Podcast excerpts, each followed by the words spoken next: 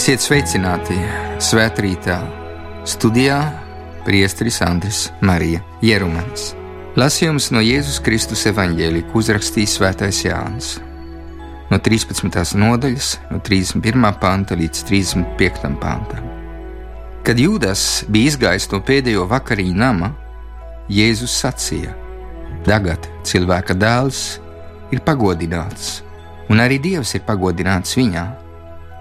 Bet, ja Dievs ir viņā pagodināts, tad Dievs pagodinās viņu, arī pats sevi, un viņu pagodinās tūlīt.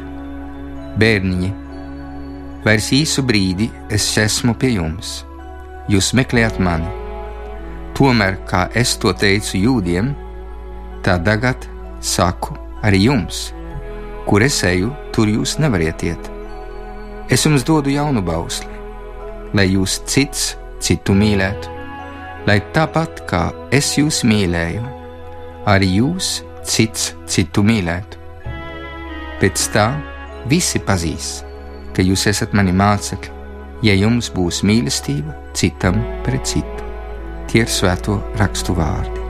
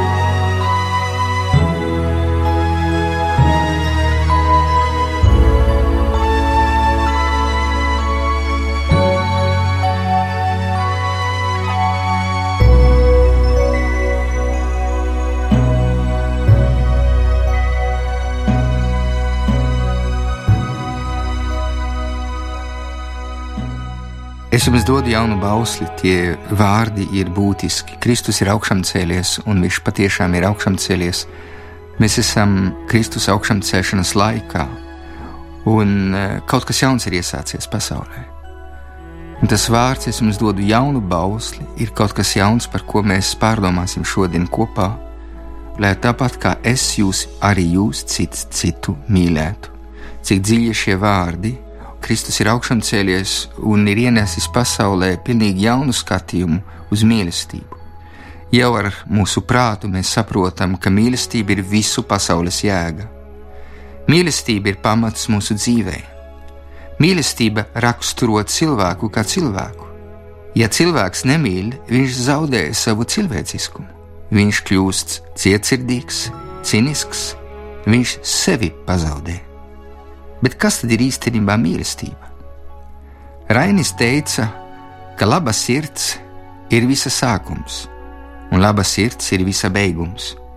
Vairāk cilvēks nespēja sasniegt. Nesen mūžībā aizgājusi rakstniece Andra Nebūri kādreiz raksturoja mīlestību šādi: Mīlestība ir prieks padoties, atdoties, dot un piedot. Ārsts psihiatrs Ēriks Froms raksta vēl: Mīlestība ir aktīvs spēks cilvēkā. Spēks, kas izlaužās caur sienām, kuras šķir cilvēku no apkārtējiem līdzcilvēkiem, spēks, kas vieno viņu ar pārējiem. Mīlestība liek cilvēkam pārvarēt izolācijas un atšķirības sajūtas, tomēr tā ļauj viņam būt pašam. Kristīgā atklāsmē Dievs atklāja cilvēkam, kas viņš ir. Viņš ir mīlestība. Svētais Jānis pirmajā vēstulē, ceturtajā daļā izceļ, ka Dievs ir mīlestība. Viņš pats raksta, kas nemīl, nav Dievu atzinis, jo Dievs ir mīlestība. Tieši tāpēc šīs dienas evaņģēlijā Kristus var teikt, pēc tā visi pazīs, ka jūs esat mani mācekļi, ja jums būs mīlestība citam pret citu. Lielākais evaņģēlīja pierādījums ir tad, kad sludinām atklāto patieso Dievu, kā mīlestību. Un mēs to sludinām, ja mēs viens otru mīlam. Tad mūsu dzīve liecina par dieva mīlestības pārņemtu sirdi un dzīvi, piepildītu dzīvi ar mīlestību. Mēs ar prātu saprotam, ka mīlestība ir augsta vērtība. Mēs mēģinājām arī to parādīt, izējot no rakstniekiem, no filozofiem šīs meditācijas sākumā. Mūsu sirds arī to apstiprina, ka mīlestība ir kaut kas svarīgs. Mēs nevaram bez mīlestības dzīvot. Mīlestības ir šis pasaules motors, kas visu iekustina. Bet īstenībā ikdienas dzīve mums parāda, ka ir grūti mīlēt. Kāpēc mēs viens otru nemīlam? Karojam savstarpēji, pietrūks savstarpējā solidaritāte. Kāpēc bieži vien mēs sevi paši nemīlam un iznīcinam?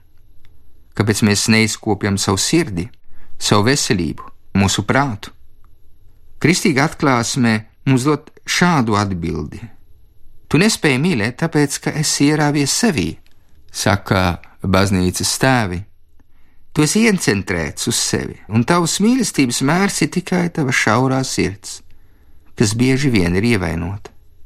Ja mēs nespējam mīlēt tieši tāpēc, ka esam ievainoti, cik daudz ievainojums nesam sev līdzi jau no bērnības, un vēlāk jau visā dzīvē mēs īstenībā liecinām, ka mēs neticam, ka mīlestība ir visaugstākā vērtība. Jā, pat ja mēs neticam, ka Dievs ir, mēs tomēr augstam pēc mīlestības. Mums ir tādas ilgas, bet arī mēs izjūtam, ka mēs esam ievainoti. Un par to ir vērts pārdomāt, ka mums ir vajadzīga atbilde, mums ir vajadzīgs atpestītājs. Teoloģija runā par grēku kā par rīcību pret mīlestību, un mīlestības ievainojums ir grēka sekas. Jau paliekot pieredzes līmenī, ko varam tieši ar prātu aptvērt, ir jāatzīst, ka mīlestības ceļš nav viegls. Tā ir māksla, kā to raksta filozofs un ārsts, par kuru mēs jau runājam, Eriks Froms. Viņš runā par mīlestības mākslu.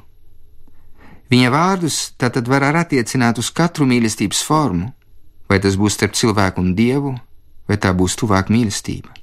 Viņš raksta, ka pirmais solis šajā mīlestības mākslā ir tieši apzināties, ka mīlestība ir māksla, tāpat kā dzīve ir māksla. Un runāt par mākslu, tas nozīmē, ka tā ir jāapgūst. Ir jāapgūst caur studiju procesu, un kā jebkuru katru mākslu, mēs šo procesu varam, saka Froms, sadalīt divās daļās. Viena ir teorijas apguve, otra ir prakses apguve. Ko Ērijs Froms tātad saka vispārēji par mīlestību, varam ar tieši attiecināt uz mīlestības izpratnes apgūšanu reliģiskā līmenī. Un tas ir tik svarīgi, jo kristietība ir mīlestības reliģija. Un tieši tāpēc viņa arī ir īsta māksla. Tā ir jāiemācās. Bet nav viegli mīlēt Dievu un katru cilvēku un dzīvot pēc mīlestības, kā to Kristus ir atklājis pasaulē. Mums to ir jāiemācās, bet vispirms mums ir jāsaprot tas līmenis, kas mums ir jāsasniedz. Mums ir jāapzinās, ka tā mīlestība, par kuru Kristus runā, tā iet daudz tālāk, daudz dziļāk nekā tā mīlestība, par kuru runā mākslinieki, par kuru runā dzējas, par kuru runā filozofi. Mēs bieži vien domājam, ka zinām pietiekoši, kas ir mūsu ticības pamati, un ko mīlestības Dievs mums ir atklājis. Bet īstenībā šodien valda liels reliģisks tukšums, un nezināšana, pat apjukums, ir jāapzinās, ko tas īsti nozīmē, ka Kristus ir kļuvis par mīlestības mēru, paraugu, kas saka šīs dienas lasījumā, lai tāpat kā es jūs mīlēju, arī jūs cits citu mīliet. Bet ar uzzināšanu vēl nepietiek. Saka Froms, runājot tātad par vispārējo mīlestību, bet arī reliģiskā līmenī tas ir būtiski, ir praktiskā puse. Ir jāmācās mīlēt savu tuvāko. Katru dienu mums ir mīlestības izaicinājumi. Cik daudzas reizes mūsu tuvākais mūs izaicina ar kādu vārdu, cik daudz reizes mēs esam spiesti sagramot kādu asāku pārmetumu, to norīt un piedot. Tāpat katru dienu ir kāds, kas prasa mums pēc materiālās palīdzības, kas prasa pēc mūsu laika, un esam spiesti izvērtēt vai palīdzēt, un kā to izdarīt. ja vienkārši varam arī pagriezt muguru un aiziet tālāk, palikt vienaldzīgiem un nocietināt mūsu sirdis citu sāpju priekšā. Mēs varam īstenībā uzzināt vairāk par kristīgo mīlestības izcīlību, ja atveram svētos rakstus. Mēs runājam tieši par teorētisko pusi, par kuru mēs tik maz zinām. Mēs domājam, ka mēs saprotam, ko tas nozīmē, ka Dievs ir mīlestība un ko nozīmē mīlēt, kā Kristus ir mīlējis. Mēs varam apstāties piemēram pie trijām lielajām līdzībām Lukas evanģēlijā, kur Kristus mums atklāja Dieva mīlestības izcīlību, pēc kuras mums arī ir jāvadās. Tā ir vispirms līdzība par žēlsirdīgo samarietu, Lukas evanģēlijā desmitā nodaļā, vai tā ir arī līdzība par diviem brāļiem, par pazudušo dēlu un par palikušo dēlu. Un trešā līdzība - līdzība par bagāto dzīvotāju un nabadzīgo lācaru. Kristus mums ir, protams, mācījis, ko nozīmē mīlēt, mirstot krustā. Un arī krusts jau ir atvērta grāmata, un pietiktu meditēt uz krustu, kā to darīja Asīzes Francis, mēs saprastu, ko nozīmē atdot savu dzīvību par savu tuvāko. Bet apstāsimies mazliet pie līdzības par žēlsirdīgo samarieti un sapratīsim, ko tas nozīmē, tas jaunais bauslis un ko nozīmē jaunums, ko Kristus mums ir atnesis. Tas īstenībā mums palīdzēt saprast, ko nozīmē mīlēt kā Kristus, kas ir patiesībā arī labais samarietis. Vispirms ir jāuzsver, ka stāsts par žēlsirdīgo samarieti skara katra cilvēka pamat jautājumu, ko uzstāda kāds rakstu mācītājs, lai pārbaudītu Jēzu. Un viņš jautā Jēzum, kas man ir jādara, lai iemantotu mūžīgo dzīvi? Un Jēzus viņam atbild: Mīli kungu savu dievu no visas savas sirds un no visas dvēseles, un ar visu savu spēku un ar visu prātu, un savu tuvāko kā sevi pašu. Īstenībā Jēzus atbild jau nav oriģināla, tā apvieno vecās derības mācību. Un tad, tad varam jautāt, kur tad ir šī jaunā baušļa, jaunums? Jaunums pastāv vispirms, kad Dievs mūs atklāja, kas ir mūsu tuvākais. Ja bieži vien mēs uzskatām, ka mūsu tuvākais ir tas cilvēks, kas domā kā es, mēs uzskatām, ka tuvākais tas ir tas, kas pieder manai tautai. Tuvākais ir tas, kas domā, kas ir man domu biedrs bet tos, kas domā citādāk, īpaši ticības jautājumos, mēs e, nosaucam par erētiķiem, un tāpat arī atkritēji un nodevēji tiek atstāti malā. Un e, rakstu mācītāji īstenībā nekad šādus cilvēkus, tie, kas izaicināja Jēzu, kas uzstādīja to jautājumu, nekad neuzskatīja, ka šos atsumtos cilvēkus vajadzētu uzskatīt par saviem tuvākiem. Bet Jēzus apgriež visu otrādi. Uz jautājumu par tuvāko viņš dod rakstu zinātājiem pārsteidzošu atbildi, kas arī mūsu dienu cilvēku var ļoti pārsteigt, jo atklājās unikāls dziļums un mūsu parastās kategorijas, mīlestības kategorijas izmainās. Lūk, kāda ir līdzība. Ceļā no Jerikas uz Jeruzalemi kāds cilvēks krīt par upuri laupītājiem. Ceļa malā aplaupīts un atstāts pusdzīvs guļam. Nāk priesteris un levīts un paiet garām. Bet nāk kāds samarietis, kas nepieder pie Izraēla tautas un kuram nebūtu jāuzskata šo nolaupīto cilvēku par savu tuvāko, jo viņš īstenībā nepieder samariešu grupai. Viņš nav jūts. Bet Kas notiek? Samarietis atver savu sirdi. Ievainotais cilvēks iežēlo samarieša sirdi. Un iežēlot nozīmē iekustināt dziļi dvēseli. Un Jēzus parāda, ka samarietis īstenībā izmaina pēc būtības jautājumu: man ir jākļūst par tuvāko. Un tad jebkurš cits cilvēks ir kā es pats. Tuvākais ir tas, kas apžēlo manu sirdi. Te notiek kaut kas tāds, ko mēs negaidām. Tā nav strateģiska draugu mīlestība, tieši otrādi. Kristus izceļ nevienlīdzību. Samarietis kā sveštautietis atstāj visu un dodas palīdzēt šim cilvēkam. Šeit pastāv šis jaunums, ka mēs kļūstam par brāli visiem, kuru sastopam un kuriem ir vajadzīga mūsu palīdzība. Šodien varam redzēt šīs līdzības aktualitāti, kad e, mēs paskatāmies pasaules mērogā, cik daudz ir to cilvēki, kuri cieši Bet arī paskatāmies vienkārši eh, tie cilvēki, kas ir slimnīcās, vai tie cilvēki, kas piedzīvo vientulību. Viņi ir mūsu tuvākie. Un nav vairs robežu. Tuvākais nav vairs tas, kas dzīvo ar maniem, bet tuvākais ir jebkurš katrs cilvēks. Un pasaule ir kā liela ģimene. Ir vērts padomāt dziļāk par šo tēmu, kas pēdējā laikā mūs ir iekustinājis, kad pie mūsu durvīm klauvē cilvēki kā Kristus, un kas mūs jautā, bet vai tu man palīdzēsi? Kādreiz eh, pāvests Benedikts, tātad teologs Jozefs Ratzingers, rakstīja savā grāmatā Jēzus no Nāceretes, runājot par labo samarieti, parādot mums, ko tas nozīmē tuvāk mīlestība.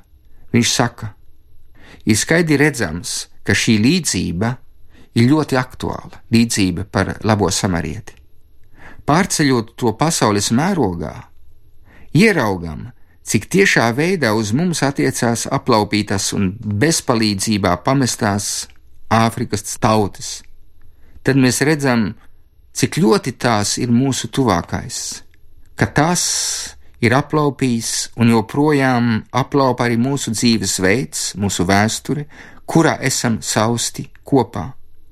Pirmam kārtam mēs esam ievainojuši šo tautu dvēseli Mēs tam nevis devam Dievu, kurš mums ir tūs Kristu, pieņemot un piepildot visu vērtīgo un lielo šo tautu tradīcijas, bet sniedzam bezdievīgu un cinisku pasauli, kurā tiek novērtēta tikai vara un peļņa, kura sagrauj morāles principus un kurā pašsaprotama kļūst korupcija un nekautrīga tiekšanās pēc varas. Un tas attiecās ne tikai uz Āfriku. Lūk, eh, šie ir eh, Benedikta 16. vārdi un ne pāvesta Franciska vārdi, kas bieži vien atgriežas pie šīs tēmas. Kāda ir mūsu atbildība, ka mēs esam tuvāki, mēs esam īstenībā aicināti kļūt par brāļiem un māsām tiem cilvēkiem, kas cieš un par kuriem mēs arī esam atbildīgi zināmā mērā. Tas mums palīdz arī saprast, ka tuvāk mīlestība, jaunais bauslis izmaina to, ko mēs ar savu loģiku, cilvēcīgo loģiku nevaram saprast. Ko bieži vien arī politika nekad nevarēs saprast līdz galam, jo šeit jābūt pravietiskais skatījums, ko kristietība tikai var dot. Viņa mūs aicina uzskatīt otro cilvēku kā tuvāko, un tuvākais ir tas, kas cieš. Ir jāpārdomā vēl dziļāk, bet kas tad ir labais samarietis, un kas tad ir tas cilvēks, kas guļ? Tas cilvēks, kas guļ no vienas puses, ir pats Kristus.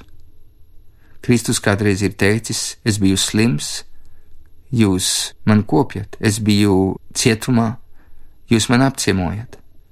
Man e, bija jāpalīdz, jūs man palīdzējat. Jēzus ir sevi identificējis ar katru vājo, ar katru cilvēku, kas cieš. Lūk, jaunais bauslis, mums palīdz lasīt mūsu tuvāk mīlestības pienākumu pilnīgi citādāk, no kristoloģiskā viedokļa, izējot no Kristus. Bet ne tikai tādā veidā mēs varam lasīt kristoloģiski šo līdzību par samarieti, jo Kristus ir tas, kas pietuvojās katram no mums. Kāpēc es nevaru otru cilvēku mīlēt? Katrs no mums ir ievainots. Mēs nespējam mīlēt otru cilvēku, tāpēc ka vispirms mums ir jāizjūt, ka Kristus mūs izdziedina. Kāpēc šāda cīņa, lai palīdzētu otram cilvēkam, kas nāk un klauvē pie mūsu durvīm un jautā pēc palīdzības? Kāpēc? Tāpēc, ka mēs paši neļaujam sev mīlēt, izdziedināt no paša Kristus. Mēs esam tas cilvēks, kas guļ no Jerikas uz Jeruzalemi mums ir vajadzīgi vispirms, lai mēs izprastu, ka Jēzus mūs mīl, lai varētu otru cilvēku mīlēt. Mīlestības revolūcija, kurā mēs tiekam ievesti caur Kristus augšām celšanos. Atcerēsimies, kad vārdos, ko mēs dzirdējam, Kristus runā par pagodināšanu, tātad tajā brīdī, kad viņš tiek piesists krustā, viņš ir uzvarējis nāvi, viņš ir uzvarējis šo pasauli ar savu naida loģiku, ar savu nemīlestību. Viņš ir iedevis mums atslēgu, kā mums ir jālasa šo pasauli, un kā mums ir jāmīl, kā viņš ir mīlējis. Bet ne tikai tā, mirstot krustā, viņš mums neatstāja bāriņus, viņš mums saka, viņš mums runā par eh, vasarsvētku dāvanu, par svēto garu. Jā, es varu mīlēt savu tuvāko, es varu viņam atdot visu, es varu viņam piedot, es varu viņam kalpot, tad, kad es to daru svētajā garā, tad, kad manas sirds izmainās, tad, kad no cietsirdības es kļūstu par žēlsirdīgu cilvēku no cietsirdīgas sirds manas sirds atverās un tiek iekustināta no otrās cilvēka sāpēm. Kāda vienaldzība pastāv šeit pasaulē, cik mēs esam vēsi viens pret otru. Šīs dienas evaņģēlijas tad mūs aicina skatīties tālāk un iesākt ar to, ko māte Terēza no Kalkutas kādreiz teica: Tuvākais ir tas, kas dzīvo tev blakus, un kas dzīvo vientulībā. Tuvākais ir tas, ko tu varbūt neapzinies, tavās pašās mājās. Šīs dienas evaņģēlijas mūs aicina tātad uz cilvēciskumu, bet izējot no Kristus, kas mūs ieved tādā izcīlībā, kur šī pasaules loģika pat nevar nojaust. Noslēgsim šo meditāciju ar Kristus vārdiem, kurā Viņš mūs aicina piedot otram kā mēs paši esam saņēmuši no Dieva šo piedošanu. Tēvs mūsu, kas esi debesīs, svētīts lai top tavs vārds, lai atnāk tava valstība, tavs prāts, lai notiek kā debesīs, tā ar virs zemes. Mūsu dienascho maizi dod mums šodien, un pierod mums mūsu parādus, kā arī mēs piedodam saviem parādniekiem, un neieved mūsu kārdināšanā, bet atpestī mūs no ļauna.